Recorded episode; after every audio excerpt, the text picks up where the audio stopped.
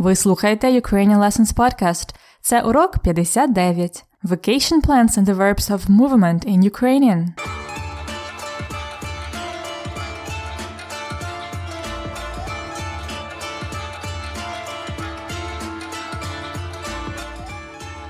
Добрий день! Це подкаст Уроки української для всіх, хто вивчає і любить українську мову. Мене звати Анна. Я ведуча подкасту і вчителька української. Зараз я викладаю українську мову у Пенсильванському університеті в Америці. Тут починаються свята. Цього тижня в Америці День подяки, а наступного місяця Різдво.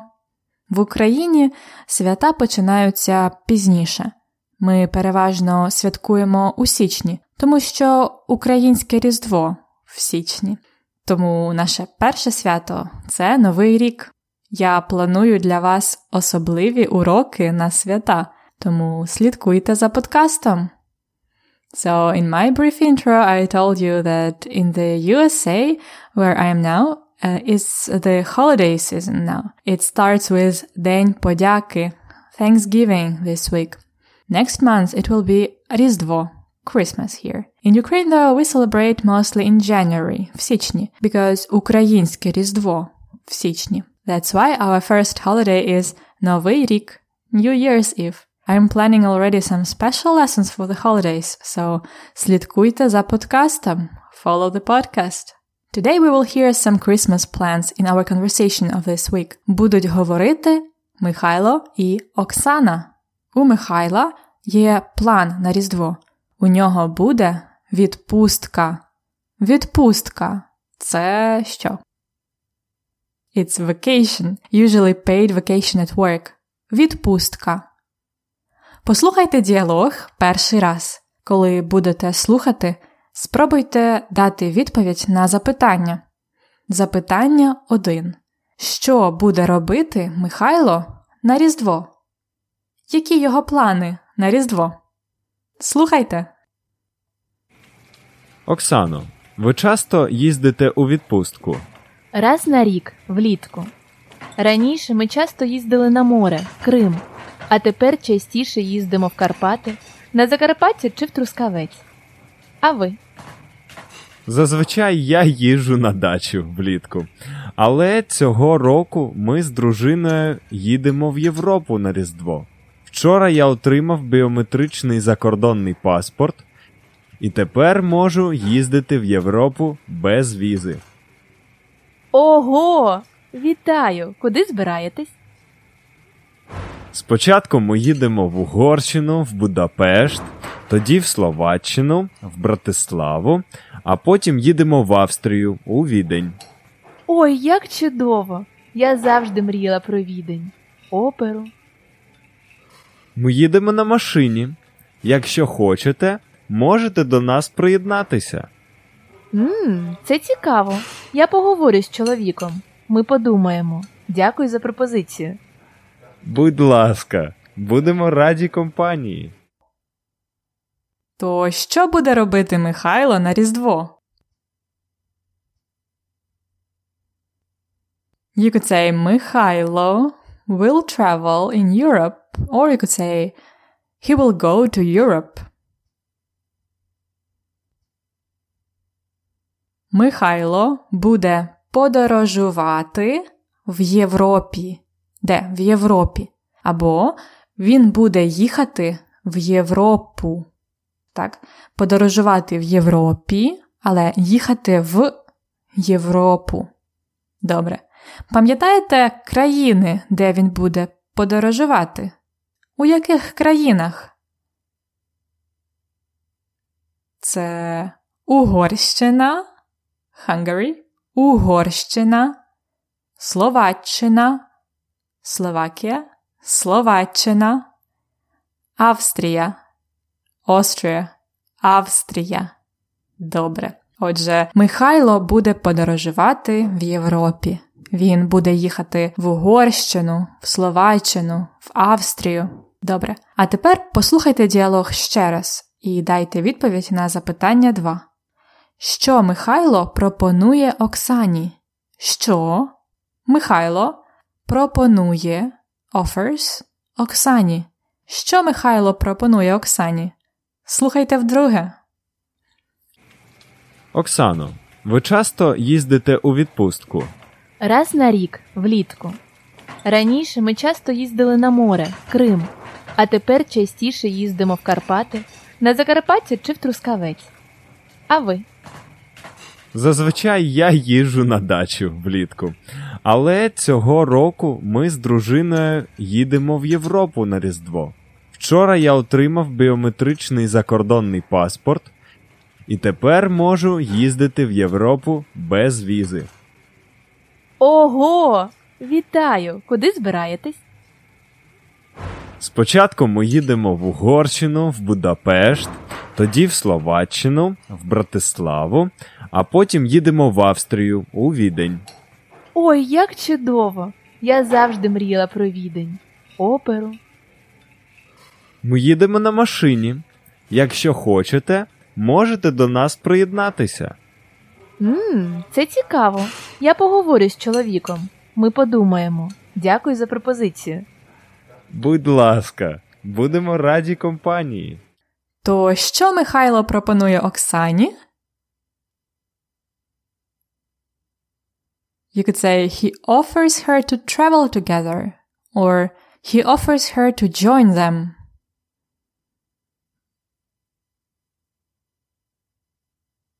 Михайло пропонує Оксані подорожувати разом together. Або Михайло пропонує Оксані приєднатися до них. To join them. Приєднатися до них. Він каже: Ми їдемо на машині. Якщо хочете, можете до нас приєднатися. Отже, він пропонує Оксані і її чоловіку приєднатися до них. Добре. У цьому діалозі ви чули одне дієслово дуже часто. Яке це дієслово? Which verb did you hear very often in this dialogue? Послухайте початок ще раз. Оксано, ви часто їздите у відпустку? Раз на рік, влітку. Раніше ми часто їздили на море, Крим, а тепер частіше їздимо в Карпати, на Закарпаття чи в Трускавець. То яке це дієслово? Це дієслово або навіть дієслова їхати і їздити. They can cause some problems for Ukrainian learners, so let's have a look at them. First of all, їхати і їздити both mean to go by transportation. Це може бути машина, трамвай, велосипед, будь-який транспорт. Often when we are talking about where you are going in English, you don't specify the means of transportation as it's not important. In Ukrainian, you could not specify the transportation either, but you should always use the verb їздити і їхати when there is a transportation involved, as it's the opposite of іти і ходити, to go by foot. So їхати, їздити when the transportation was there, і іти і ходити when you were going by walking. So, what's the difference between їздити і їхати? Yes, they are different. Listen to this part with їздити. Оксано, ви часто їздите у відпустку? Раз на рік, влітку. Раніше ми часто їздили на море, Крим, а тепер частіше їздимо в Карпати, на Закарпаття чи в Трускавець. Оксано, ви часто їздите у відпустку? Оксано, do you often go on a vacation? Раз на рік, влітку. Once a year, in summer. Раніше ми часто їздили на море, в Крим. Before we were often going to the seaside, to Crimea. А тепер частіше їздимо в Карпати. And now we go to the Carpathians more often. Oksana is talking about something she does regularly. For her vacation, usually she goes to the Carpathians, в Карпати, and she goes back. So it's a, like a habit. It's uh something she does every year. That's why we use їздити.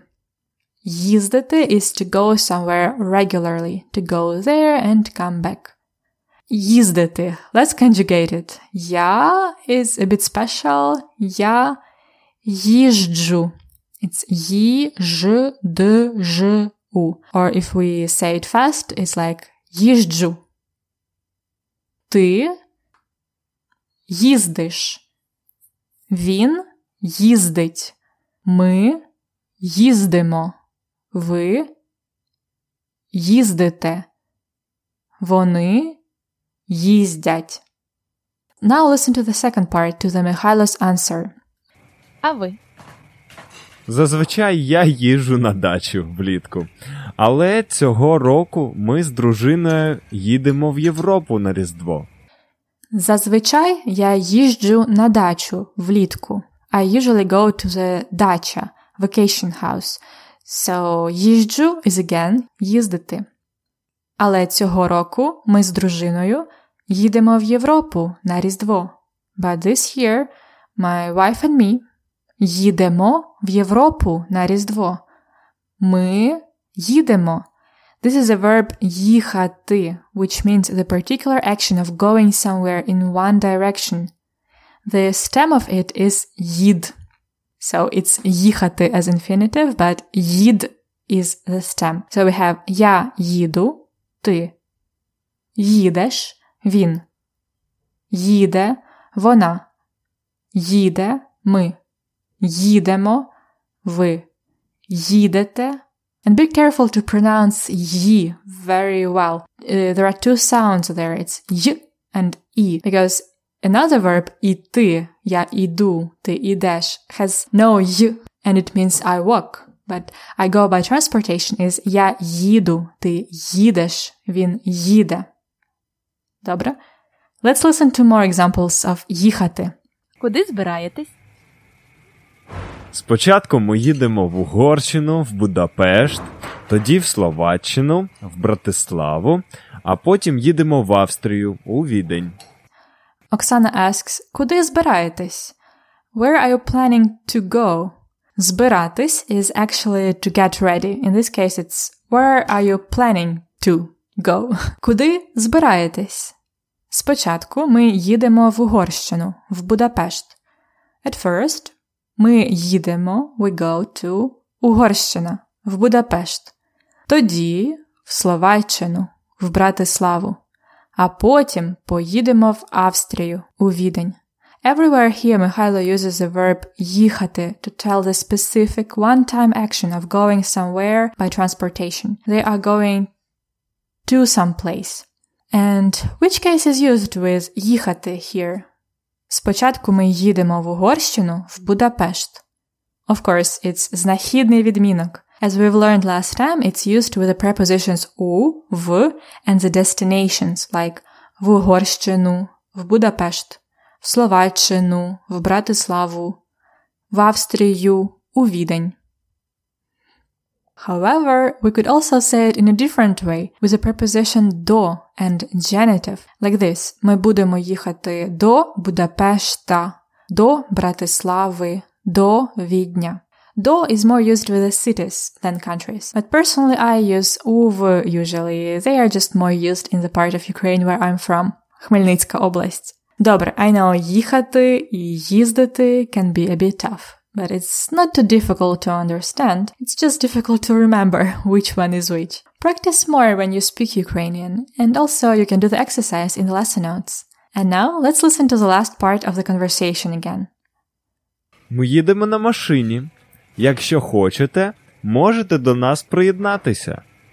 Ммм, це цікаво. Я поговорю з чоловіком. Ми подумаємо. Дякую за пропозицію. Будь ласка, будемо раді компанії. Again, Mikhailo is inviting Oksana and her husband to приєднатися. Join them. Оксана says, це цікаво. Я поговорю з чоловіком. Ми подумаємо. Я поговорю з чоловіком. Ми подумаємо. Which tense is this? It's the future. You might be used to the future as я буду робити, ми будемо їхати. It's the imperfective future, the continuous actions in the future. Буду plus infinitive. But when we want to use the perfective one-time actions in the future, we just conjugate the perfective words like in present. So говорити is я говорю. Present. Я поговорю is the future. Думати я думаю. Теперішній час present. Я подумаю I will think from подумати perfective. This is just a quick overview for you. We might have another episode about the future perfective with more details. At last, Михайло says Будемо раді компанії. We will be happy or we will be glad компанії. To have a company. Компанія. Добре. А тепер слухайте діалог ще раз. Оксано, ви часто їздите у відпустку? Раз на рік, влітку. Раніше ми часто їздили на море, Крим, а тепер частіше їздимо в Карпати, на Закарпаття чи в Трускавець. А ви? Зазвичай я їжджу на дачу влітку. Але цього року ми з дружиною їдемо в Європу на Різдво. Вчора я отримав біометричний закордонний паспорт і тепер можу їздити в Європу без візи. Ого! Вітаю! Куди збираєтесь? Спочатку ми їдемо в Угорщину, в Будапешт, тоді в Словаччину, в Братиславу, а потім їдемо в Австрію у Відень. Ой, як чудово! Я завжди мріяла про відень, оперу. Ми їдемо на машині. Якщо хочете, можете до нас приєднатися. Ммм, це цікаво. Я поговорю з чоловіком. Ми подумаємо. Дякую за пропозицію. Будь ласка, будемо раді компанії.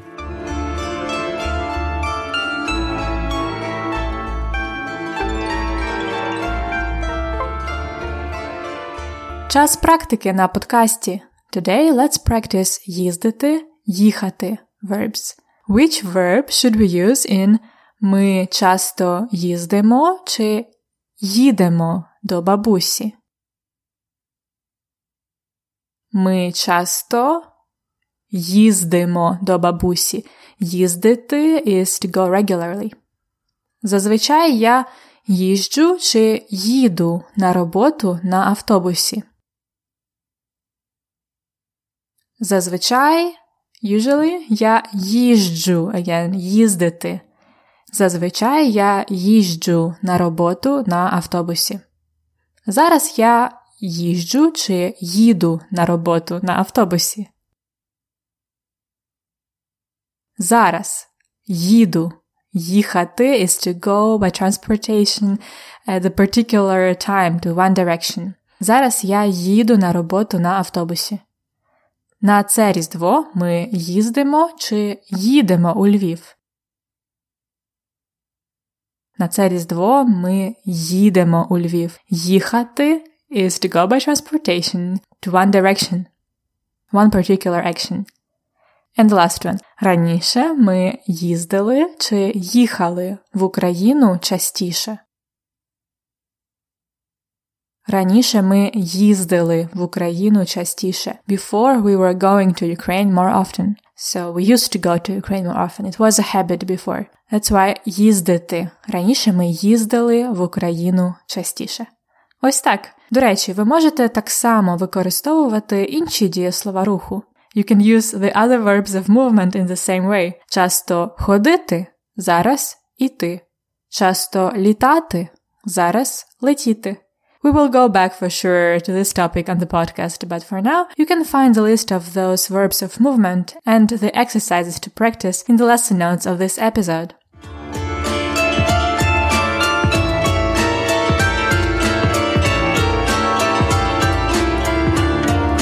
Культурний факт на подкасті. Let's talk about passport і візи for Ukrainians. Михайло у діалозі сказав: Вчора я отримав біометричний закордонний паспорт і тепер можу їздити в Європу без візи. Що таке біометричний закордонний паспорт? Biometric, biometrичний. Biometric foreign passport is obviously a passport that contains the biometric information of a person. Before, Ukrainian passports were issued as non-biometric, but now they offer a choice. We can make either biometric or non-biometric one. I actually have both. the thing is that since June of 2017, Ukrainians can travel to Europe with no visa, без візи. It made us all very happy. However, to do this, a Ukrainian citizen must use the biometric passport. Bi- biometrичний passport. Some people already had those passports, but the people who didn't are in trouble now because this year the lines to make the biometric passports are so long that it's not very easy to make one. That is why Mikhailo is very happy to say Вчора я отримав біометричний закордонний паспорт і тепер можу їздити в Європу без візи. Anyway, we are very happy, що ми можемо їздити в Європу без візи. By the way, you probably can travel to Ukraine без visa too. Take this opportunity and come if you haven't already to practice your Ukrainian. Ласкаво просимо до України.